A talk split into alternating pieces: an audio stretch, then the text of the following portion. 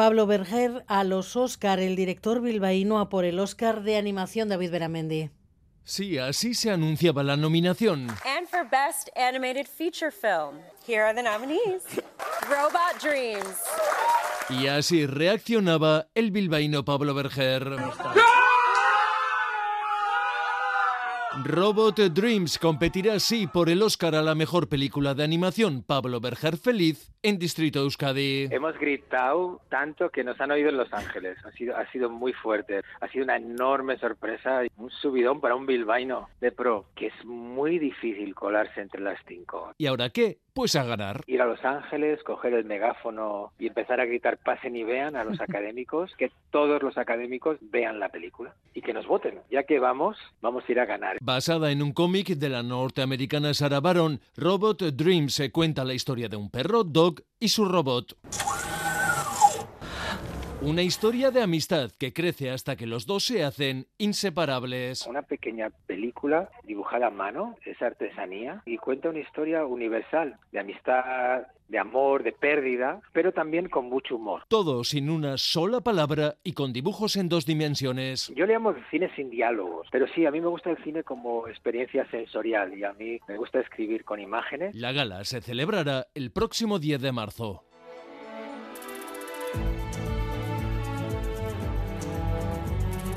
Gambara con Arancha García. A Racha León y además la ley de amnistía definida así por el ministro de Justicia. Si le digo que la ley lo que hace es una amnistía a todos los comportamientos relacionados con el proceso independentista. No hay nada fuera del proceso independentista que quede amnistiado. La nueva ley, la nueva redacción de la ley amnistía los delitos de terrorismo. No todos, las violaciones graves de derechos humanos quedan fuera, pero con la enmienda introducida hoy, RC y Junts blindan a Puigdemont, a los CDR y al Tsunami Democratic Nerea Sarriegui. Otro acuerdo sobre la bocina, en este caso, en ese punto, el más polémico, los delitos de terrorismo serán amnistiables excepto si incurren en violaciones graves de derechos humanos. Junts buscaba un mayor blindaje para Puigdemont y Esquerra para Marta Rovira, porque están imputados en el caso Tsunami Democratic que se investiga como delito de terrorismo. Todo para ajustar la definición y cerrar la puerta a posibles interpretaciones en los tribunales. Seguirán negociando hasta el día del Pleno, que será probablemente el 30. Aún, insisten los independentistas, se puede abrir más la puerta del PSOE. Junts y RC niegan que haya habido actos terroristas en Cataluña, pero de alguna manera con esta enmienda se blindan ante la posibilidad de que surjan nuevas causas como la última del juez García Castellón contra Puigdemont.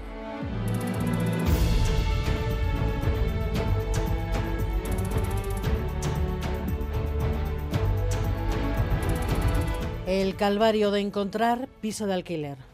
Estoy buscando un piso de alquiler desde noviembre. Es, es, increíble, imposible. Pues porque no hay muchos y luego porque los que hay pues tienen unos precios que son exageradísimos. Pues 800, 800 y algo, 790, 750, de ahí para arriba con lo que estoy viendo me parece prácticamente imposible encontrar nada asequible. Rodrigo Manero, los datos avalan la impresión, casi no hay pisos para alquilar y los que hay cada vez son más caros. Es el diagnóstico común de los tres colegios oficiales de agentes inmobiliarios de Euskadi. La oferta de viviendas de alquiler, que nunca ha sido grande, ha caído en picado, tanto que algunas agencias no tienen nada que ofrecer. En los portales de Internet se mueve algo más, pero poco también. Una escasez que se acompaña de precios cada vez más altos. La renta media, según últimos datos oficiales, ronda los 700 euros, pero en Bilbao llega a 850 y en Donostia supera los 1000. Algunos profesionales dicen que los últimos cambios legales lo agravan, aunque otros creen que el problema es más profundo y viene de atrás. Como les contábamos ayer a esta hora, el Gobierno vasco y el PNV abren una nueva fase de reflexión sobre la ampliación del Guggenheim a Urdaibai. Ahora las instituciones plantean una mirada más global sobre el conjunto de la comarca, apuestan sí por revitalizarla, pero no hay decisión definitiva sobre el museo. Sí que desvinculan la decisión de las elecciones y de las presiones sociales. Hay que adoptar todavía decisiones, o por lo menos hay que hacer planteamientos que todavía están pendientes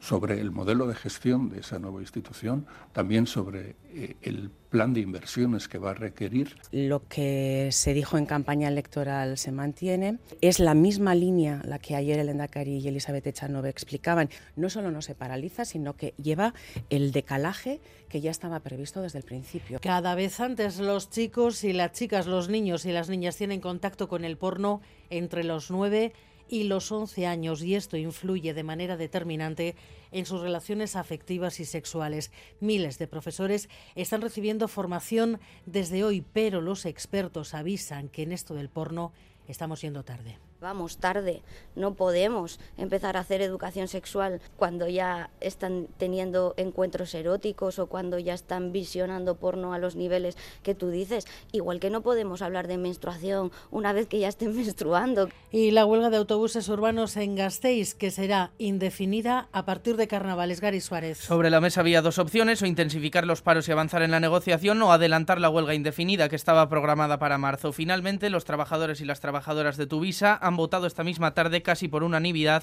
a favor de adelantar la huelga indefinida al 10 de febrero. Desde el comité también han comunicado que los paros parciales programados para este mes no se llevarán a cabo, por lo que habrá normalidad en el servicio hasta el 10 de febrero, cuando, como decimos, comenzará la huelga indefinida en el servicio de autobuses urbanos de Vitoria. Mañana una manifestación partirá a las nueve y media de la mañana desde la Plaza Lobaina hacia la Plaza Nueva, donde el comité de huelga valorará la situación que se presenta a partir de ahora en Tuvisa. Y vuelve la Copa Edu García, Rachaldeón. ¿Qué tal, Rachaldeón? Y lo hace esta noche con el partido de Balaidos entre el Celta y la Real, cuartos de final a partir de las nueve y media. Repite el conjunto Donostiarra en el escenario en el que el pasado sábado ganó el partido de liga. Este encuentro es diferente, está en juego el pase a las semifinales de la competición. La Real sigue teniendo bajas, aunque Martín Zubimendi se incorporó anoche de última hora a última hora para reforzar al conjunto de Imanol. Vamos a ver cuántos cambios y cómo modifica la plantilla el equipo, el técnico de Orio para afrontar este encuentro ante un Celta que se espera juegue con los menos habituales en liga, que son los que mejor están haciendo la Copa, por cierto.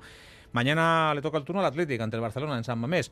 Un Atlético que vive ahora mismo pendiente de saber si va a poder contar o no con Iñaki Williams. La selección canesa está al borde de la eliminación en la Copa de África y en caso de que hoy mismo Gana quede fuera de la competición, eh, Williams volvería desde eh, eh, Costa de Marfil, donde está jugándose el torneo, para estar mañana en el partido entre el Barça y el Athletic. Para que eso suceda, tiene que pasar al mismo tiempo que el partido que está jugándose a esta hora de la tarde entre Gambia y Camerún no acabe con empate. Los seguidores del Atlético están pendientes de un Gambia-Camerún, casi nada. Al descanso, empate a cero. Así que de momento Williams estaría sin posibilidad de jugar ese partido tiene que esperar por lo menos hasta el jueves, pero veremos qué pasa en la segunda parte. En todo caso, jugadores también tocados, Galarreta, Vesga, incluso Alex Berenguer. Veremos mañana cómo se maneja el Atleti. De entrada esta noche a las 9 y 5, Quirol Festa, porque a las 9 y media tenemos ese Celta Real de Copa.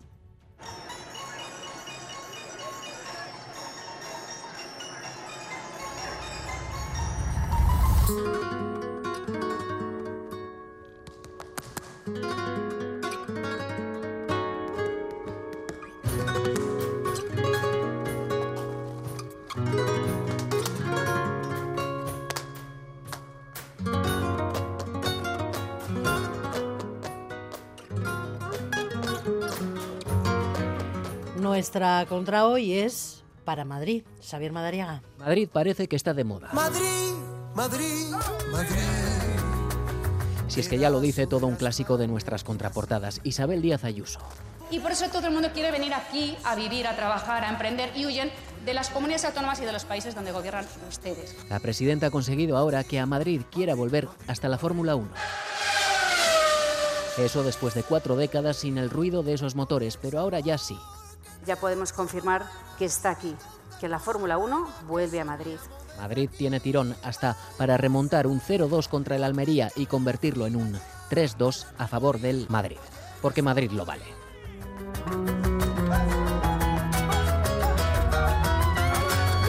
Miguel Ortiz y Alberto Sobel ya están en la dirección técnica, Cristina Vázquez en la producción.